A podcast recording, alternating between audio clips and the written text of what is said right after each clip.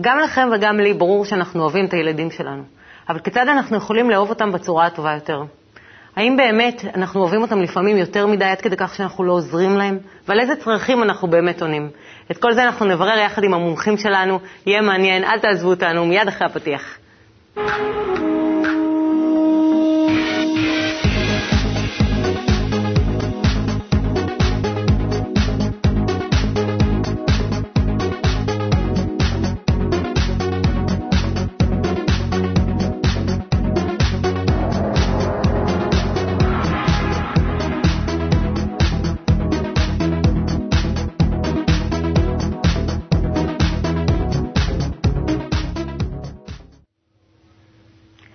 המומחים שלנו היום בבית ספר להורים, לימור סופר פטמן, התגעגענו אלייך, פסיכולוגית חינוכית ופסיכותרפיסטית, כמובן אה, גלעד שדמון, המנהל האקדמי של מכללת קבלה לעם.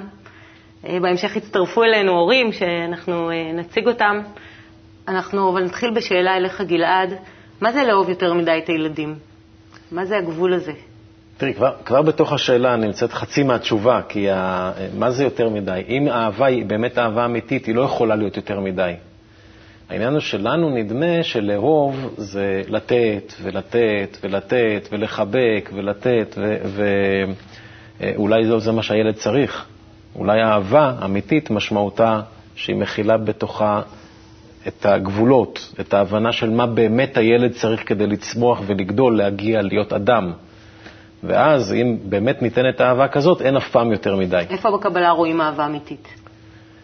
הקבלה, זאת כל מהותה של הקבלה, להביא את האדם לידי כך שהוא יאהב אהבה אמיתית, שירגיש אה, את הכוח הזה שנמצא בטבע, שנקרא אהבה, וישתווה אליו, שיהיה כמוהו, ויאמץ מתוך כך יחס לכל המציאות, למשפחה, לחיים בכלל, לאנשים, לכל העולם, בצורה כזאת של מה שנקרא אהבה, אבל אמיתית. אז מה, לוקחים את הדפוס הזה למערכת המשפחתית? אה, ודאי שאם אדם אה, לומד וחי ומשתנה מתוך הלימוד שלו ומאמץ את הדפוסים האלה כלפי כל העולם, איך הוא לא יישם את זה כלפי המשפחה שלו? ואז הוא ידע איך להתנהג בתוך המשפחה? הוא, הוא בטח שידע, ודאי שידע. כי הוא פשוט מרגיש, הוא לומד להרגיש את הצד השני, לומד להרגיש את הילד, את, ה, את האישה, הבעל, את המשפחה. ואת הצרכים שלהם, ואז הוא גם מרגיש מה הצד השני רוצה. זה נהיה לו טבעי. ואז באופן טבעי הוא, הוא יודע איך לספק את הדבר הזה. איפה את רואה את הבעייתיות הזאת? אה, אני חושבת שהיותר מדי כבר מדבר על איזושהי מידה, ולמעשה יש דרגות באהבה. כל, אה, כל הורה צעיר אה, יודע שכשאתה מקבל או כשאתה יולד ילד, יולדת ילד, מקבל ילד למשפחה, אה, יש משהו מאוד מתפתח בדבר הזה. עכשיו, אה, ברגע שהרגש מתגבר, אה, אני חושבת שאנחנו קצת נוטים בעולם שלנו או באופנה של החינוך היום, כאילו להשכיח את הדוושה הזאת של, שמלמדת, שלפעמים מונעת, שלפעמים אומרת, רגע, סטופ, צריך לעצור, ששמה את הגבול, כן, גבול זו מילה שככה אוהבים לדבר עליה, אבל שעוצרת, שמונעת, שמגבילה, שהיא לא נעימה, לא להורה ולא לילד. ואז אנחנו אומרים, רגע, אולי אנחנו לא צריכים אותה בכלל. כן, פתאום נהיה לא מרוצה מזה. נלך רק עם הרגש, כן. כאילו לא נעים, לא כיף, לא, לא טוב לנו, ויש איזה קידוש של כל הנושא הזה של שיהיה לנו רק כל הזמן נעים. אי אפשר שיהיה כל הזמן נעים. במיוחד היום, ו- כל הזמן יש איזושהי התעסקות שלא יהיה טראומה. זה כמו בולט ועזועים ברכב, זה כמו משהו שחייב, אתה חייב את שתי הדוושות האלה כל הזמן. וכאילו מקטינים אותה, מנוונים אותה, ואז אנחנו מחפשים אותה כשצריך, כשיש התפרצויות, כשיש אלימות, כשיש הרבה דברים, אנחנו מחפשים אותה, והיא לא שם, די, לא השתמשנו בה הרבה זמן, הילד לא מבין, כאילו, מה פתאום אתם מגבילים? ולמה כל העולם לא מתנהג כמו שאתם כהורים מתנהגים אליי? זאת הבעיה. אבל מאיפה אני כהורה יכול לקבל את הדידקטיות הזאת? כאילו, מה, זה אמור להיות לי טבעי? אני חושבת שהתוצאות הן די ברורות. כשאנחנו אוהבים יותר מדי ואנחנו עושים יותר מדי ואנחנו עושים בשביל, אנחנו לא מגדלים בתוך הילד את מה שאנחנו עושים בשבילו, נגיד. אם אנחנו מתאמצים בשבילו, אז הוא לא כל כך לומד להתאמץ. ואם אנחנו אה, עושים בשבילו כל מיני דברים אחרים, אז הוא לומד לעשות כמה שפחות, ובעיקר לומד להפעיל את הסביבה. ובגילאים צעירים, מה שנראה נחמד בגיל צעיר, הופך מאוד לא נעים בהמשך. כבר בגיל 3, 4, 5 אפשר לראות ילדים ש... לא, לא יודעים להתחשב אחד בשני, לא יודעים להתאמץ, לא רוצים להתאמץ, רגילים שהם מפעילים את הסביבה, במבט, בחיוך, בבכי, בצעקות, בצרחות, בהתפרצות בקניון. מגוון דברים, אבל לא צריכים אה, לעשות בעצמם. כאילו לימדו אותם, לא כאילו, לימדו אותם קודים אחרים. ואז פתאום זה לא נעים, ואז צריך לעשות את התיקון, אני חושבת... כמו ילד ש... שלא דיבר עד גיל שלוש. כן, כי הכל היה כל כך מושלם, בדיוק. כי המרק היה טעים, היה צריך להגיד שהוא מלוח. טוב, okay. אוקיי. תגידי לנו בהמשך מה לעשות עם זה. אנחנו נעבור uh, לפינה חדשה, פינת האינטרנט. כפי שאתם יודעים, יש לנו uh, פורום בתפוז, פורום שהולך וגדל, השאלות שלכם מגיעות אלינו uh, לפורום. קרן קרבנר מנהלת הפורום, אנחנו נדבר איתה עכשיו, והיא תאמר לנו, תספר לנו על שאלות שהגיעו אלינו בנושא לאהוב יותר מדי. אז שלום לכם, לצופים ולגולשים. מדי תוכנית אנחנו נביא לדיון את השאלות שלכם. אה, ובואו נראה מה העסיק השבוע את נועם דויב. אה, נועם שואלת אותנו, קודם כל היא אומרת, מצוין, תוכנית בנושא אקטואלי אצלנו בבית. יש לי שאלה שמעסיקה אותי מאוד ואשמח לתשובה. בתי בת התשע, לעתים קרובות, מתקשה במשימות היומיומיות ומבקשת את עזרתי. בשיעורי בית, סידור החדר, סידור המערכת. אני כמובן תמיד עוזרת ותומכת בה, מתוך רצון שיהיה לה קל יותר. האם אני גורמת לה לתלות בי וחוסר עצמאות? האם עליי להמשיך ולתמוך בה? שאלה טובה. בואו נראה מה למומחים שלנו יש להגיד. אז מה יש לכם להגיד? קודם כל, אולי לענות גם לנועם וגם למה שאמרנו קודם, שאנחנו אומרים לאהוב יותר מדי, את מי אנחנו אוהבים. אם אנחנו יוצאים מנקודת הנחה שהבסיס הוא שאני אוהב את עצמי, והילד שלי הוא מין המשך שלי, ולכן כשאני אוהב אותו זה בעצם מין סוג של אהבה עצמית. אז גם כשאני אה, רוצה שהוא, י, י, י, נאמר שאני רוצה להקל עליו בהכנת שיעורי הבית, נראה לי שאם אני אעשה בשבילו את שיעורי הבית או אפתור לו את זה, אז יהיה לי קל יותר, אני אהיה רגוע. הוא הולך עכשיו עם שיעורי בית מוכנים, באיכות וברמה הטובה ביותר, כי אני עשיתי בשבילו את שיעורי הבית. אז בעצם הקלתי על עצמי. זו רק אחת מהדוגמאות לכך ש... כאשר הורה מרגיש ומבין ומשכיל לראות שבעצם האהבה שלו את הילד זה אהבה שלו את עצמו, לא את הילד, אז הוא רואה גם את המגבלה שלו. למה? הוא, כי, הוא, כי אז הוא מבין שהוא לא באמת אוהב את הילד. אז הוא מבין שהוא לא באמת עושה משהו לטובתו של הילד. למה? כי הוא עונה על הצרכים של עצמו? הוא עונה על הצרכים של עצמו, הוא רוצה להרגיע את עצמו. הילד שלי, הילד שלי, כן? זה כמו היד שלי, האוטו שלי, הילד שלי, ילך לב, לבית הספר ויהיו לו שיעורי בית מוכנים. אם זאת המטרה שלי, ודאי שטוב שאני... שאני לא אתבייש? כן, ודאי שהילד שלי, איך זה יכול להיות? הילד שלי ילך עם שיעורים לא מוכנים. אז הוא ילך. הדבר הקל ביותר, הדרך הקלה ביותר להשיג את זה, אני אכין בשבילו את שיעורי הבית. זו פשוט דוגמה מצוינת לכך שמה זאת האהבה הזאת יותר מדי. לאהוב מישהו זה להרגיש אותו, לראות את שלבי ההתפתחות שלו, להבין מה הוא צריך עכשיו כדי לגדול בשלב הבא, ולפעמים אפילו להצטייר בעיניו כרע או כלא אוהב. או כלא לטובתו, כדי שהוא יוכל לגדול ולצמוח. אז איך עושים את זה במצב כזה שילד לא מכין שיעורי בית? א', מדברים איתו על זה. ב', אפשר להסביר לו שגם אני לא אוהב להכין שיעורי בית. לא, גם לי יש כל מיני משימות בחיים ואני לא אוהב כל כך להכין אותם. אה, ובכל זאת אני מתגבר ועושה, כי אני יודע שזה השלב הבא שאליו אני צריך ל, ל, להגיע. לתת לו פעם אחת דוגמה ולתת לו להכין את זה לבד. לתת לו תשומת לב של הרבה פעמים אי-הכנת שיעורי הבית זה איזשהו סוג של, אני לא רוצה להיות במסגרת שם יותר מדי, אני רוצה שתשימו לב אליי עכשיו, אני בבית, זה משהו שונה. זאת אומרת, לאתר מה באמת חסר לו, למה הוא לא רוצה את שיעורי הבית האלה, ולתת לו מניע שכן יעשה אותם, ולהתעקש על כך שזה חלק מהמסגרת, ולכן חייבים להכין את השיעורים. אני מאוד מסכימה שהחלק הפחות חיובי אולי של הלאהוב יותר מדי, זה, הלא, זה לא הלאהוב, זה היותר מדי. וזה באמת לאהוב את עצמנו. זאת אומרת, זה גם אה, לשלוח אותו עם השיעורים הכי טובים שיש, קטע של התחרות, אה, זה לשאול אותו כשהוא מגיע, אז כמה קיבלתי על העבודה שבעצם עשיתי לך. קיבלתי. בדיוק, כאילו, כי, כי למעשה זה, זה של ההורה, זה מאוד נכון. אני חושבת שההשפעה על הילד היא הרסנית, ממש הרסנית, וזה זה, זה חייבים להגיד. כי, כי מה יצא? יצא שילדה בת תשע לא, לא מצליחה לעשות את השיעורים שלה לבד, הרי היא מסוגלת. כאילו, זה לא שהיא לא יכולה. מאיזה גיל באמת ילד מסוגל להכין שיעורי בית לבד? זה מאוד משתנה ב- ביכולת הריכוז שככה מתפתחת, כמו אצל תפוחים, זה לא מבשיל בבת אחת. אבל בטח ככה, בשנים הראשונות, א', ב', ג', אה, אם בהתחלה אנחנו עוזרים במשך כמה חודשים נגיד, אנחנו יכולים גם לעזור ביצירת המסגרת, אנחנו לא צריכים לעזור ב- בלהכין את החומר, אבל אם היא ממש לא עושה את השיעורים, אז היא לא יוצאת בחוויה טובה. כי בהתחלה אולי זה הצגה, ואולי אחר כך בהמשך היא גם מפתחת איזה חוסר יכולת כזאת, איזה מין הישענות, איזה תלותיות. היא לא בטוח תסמוך על עצמה גם, לא? היא לא תסמוך על עצמה, כי למעשה אין לה חוויה שהיא עושה את הדברים, ככה שצריך אולי לראות מה באמת היא לא מצליחה לעשות שם. האם יש איזה קושי, האם יש איזה חומר שהיא לא מבינה, האם יש איזה, האם קשה לה לשבת? האם יש פה איזה בעיה אובייקטיבית? אם אין פה בעיה אובייקטיבית, אז יש פה משהו באינטראקציה. בעצם, בדרישה ובזה שהיא לא ממלאה את הדרישה, היא מפעילה את האימא. ואני חושבת שזו שאלה טובה ובגיל מספיק צעיר כדי שאפשר יהיה ככה לעצור את זה בלי הרבה נזקים. ולבדוק מה, מה באמת היא צריכה, האם היא צריכה שיארגנו אותה, יעזרו לה לשבת, יעזרו לה לראות איך מתארגנים, לפנות את הזמן מטלוויזיה ומחשב, לפנות שקט, אה, או, או שהיא צריכה את התשומת לב, כמו שהצעת, או, או שבאמת יש שם איזה משהו אובייקטיבי שצריך לה, להגיב אליו. אבל לא להשאיר את לבדוק ולא המצב לעשות את זה ככה. בשום לא, פנים לא ואופן. להשאיר את זה בשום פנים ואופן. היא מהיום והלאה לא עושה שיעורים. השאלה מה הלאה. ברגע שאנחנו אומרים לא, אז יש מקום לילד להתחיל להתפתח. להתחיל להתגבר. כן. אנחנו נמשיך לקליפ הורים, תחזרו לנו מיד, ההורים יהיו איתנו. לאהוב יותר מדי, מה דעתך?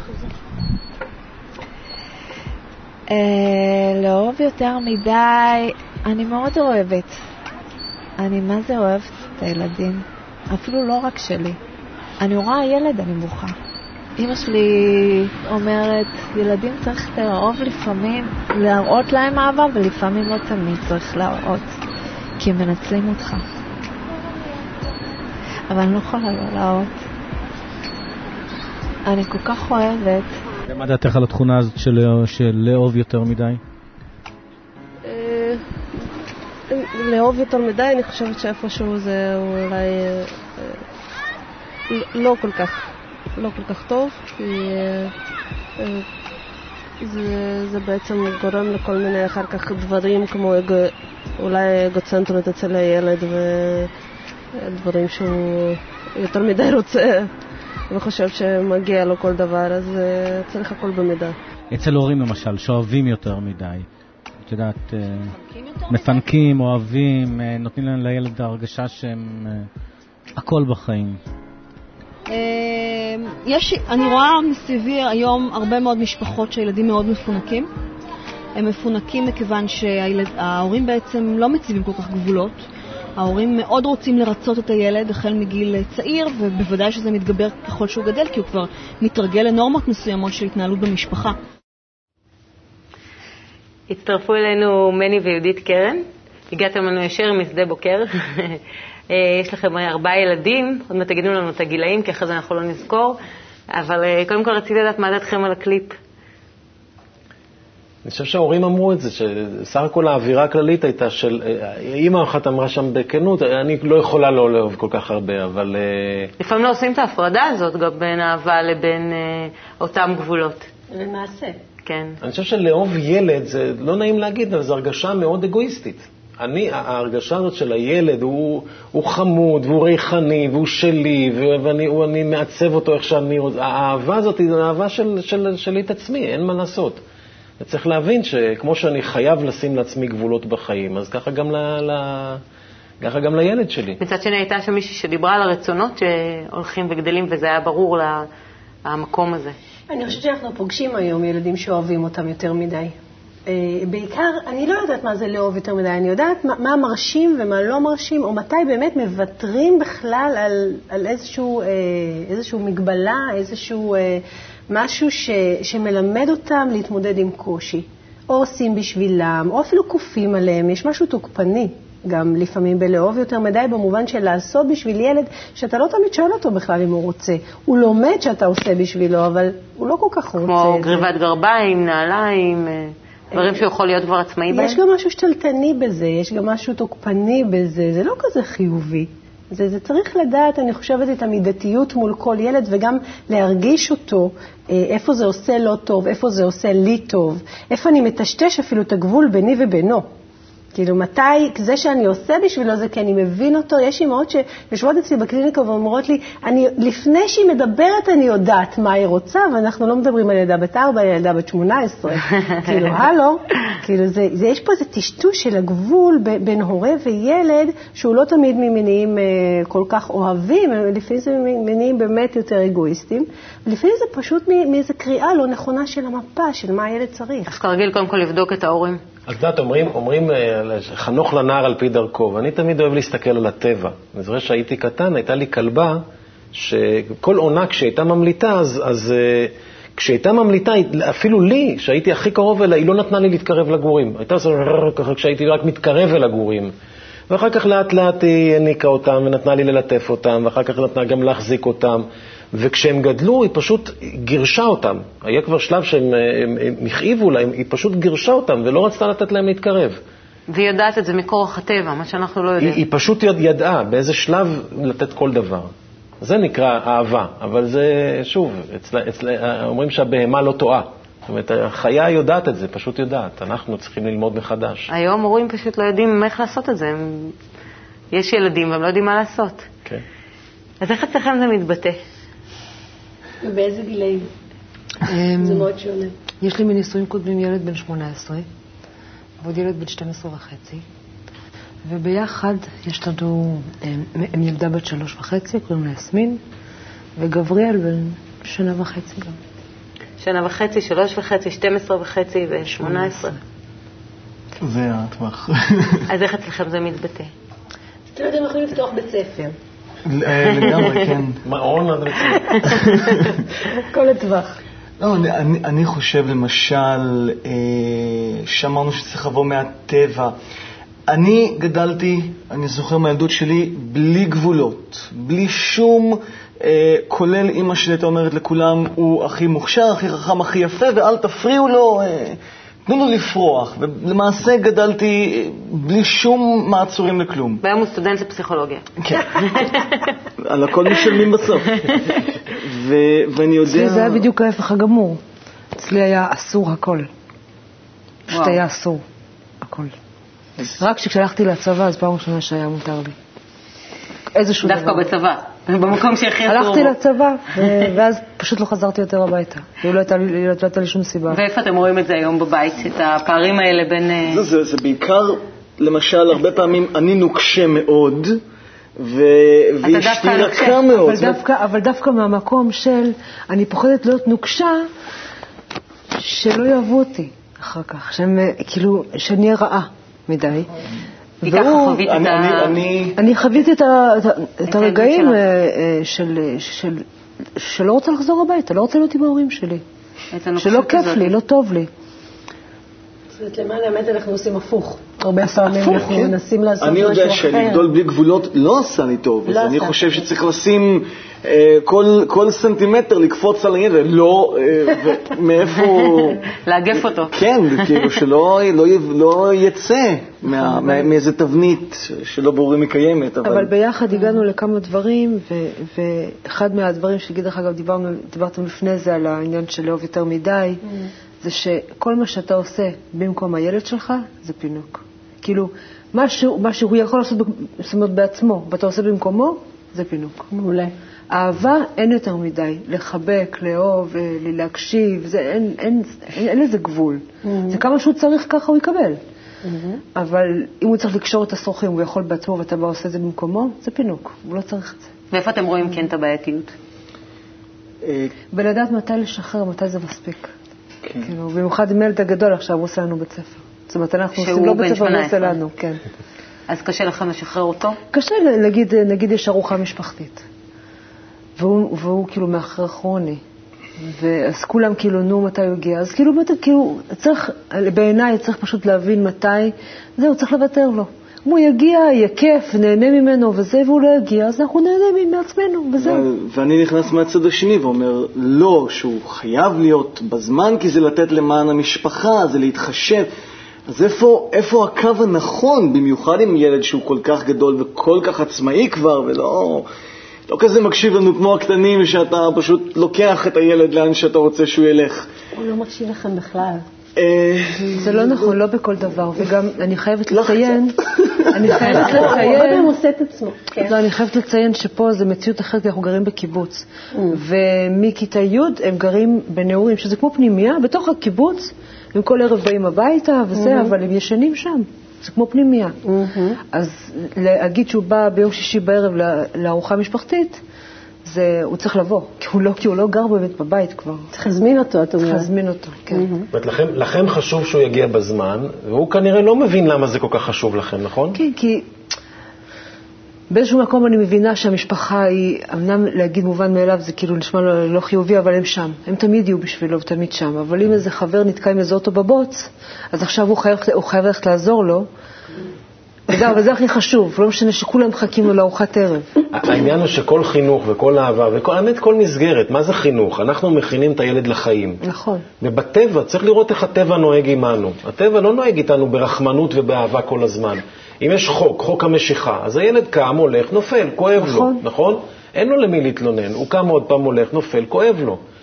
אם גם במסגרת הזאת, ביחס לילד הזה, בן 18, כן, ילד, אבל הוא ילד עדיין. עדיין, אפשר להסביר לו כן. שיש לו גם מה להפסיד, מתוך זה שהוא לא יעמוד בתנאים שכולם, אחרי שהסברתם את זה, אז אני מניח שיעשה יותר מאמץ אה, לעזור לחבר עם הבוץ שעה קודם, ולא באותו זמן. כן, טוב, זה סיפור מיוחד. זאת אומרת, כל, כל חינוך, כל חינוך בכל גיל כולל את שני הצדדים. בכל גיל, בכל גיל, וזה, וזה מתחיל האמת מגיל אפס.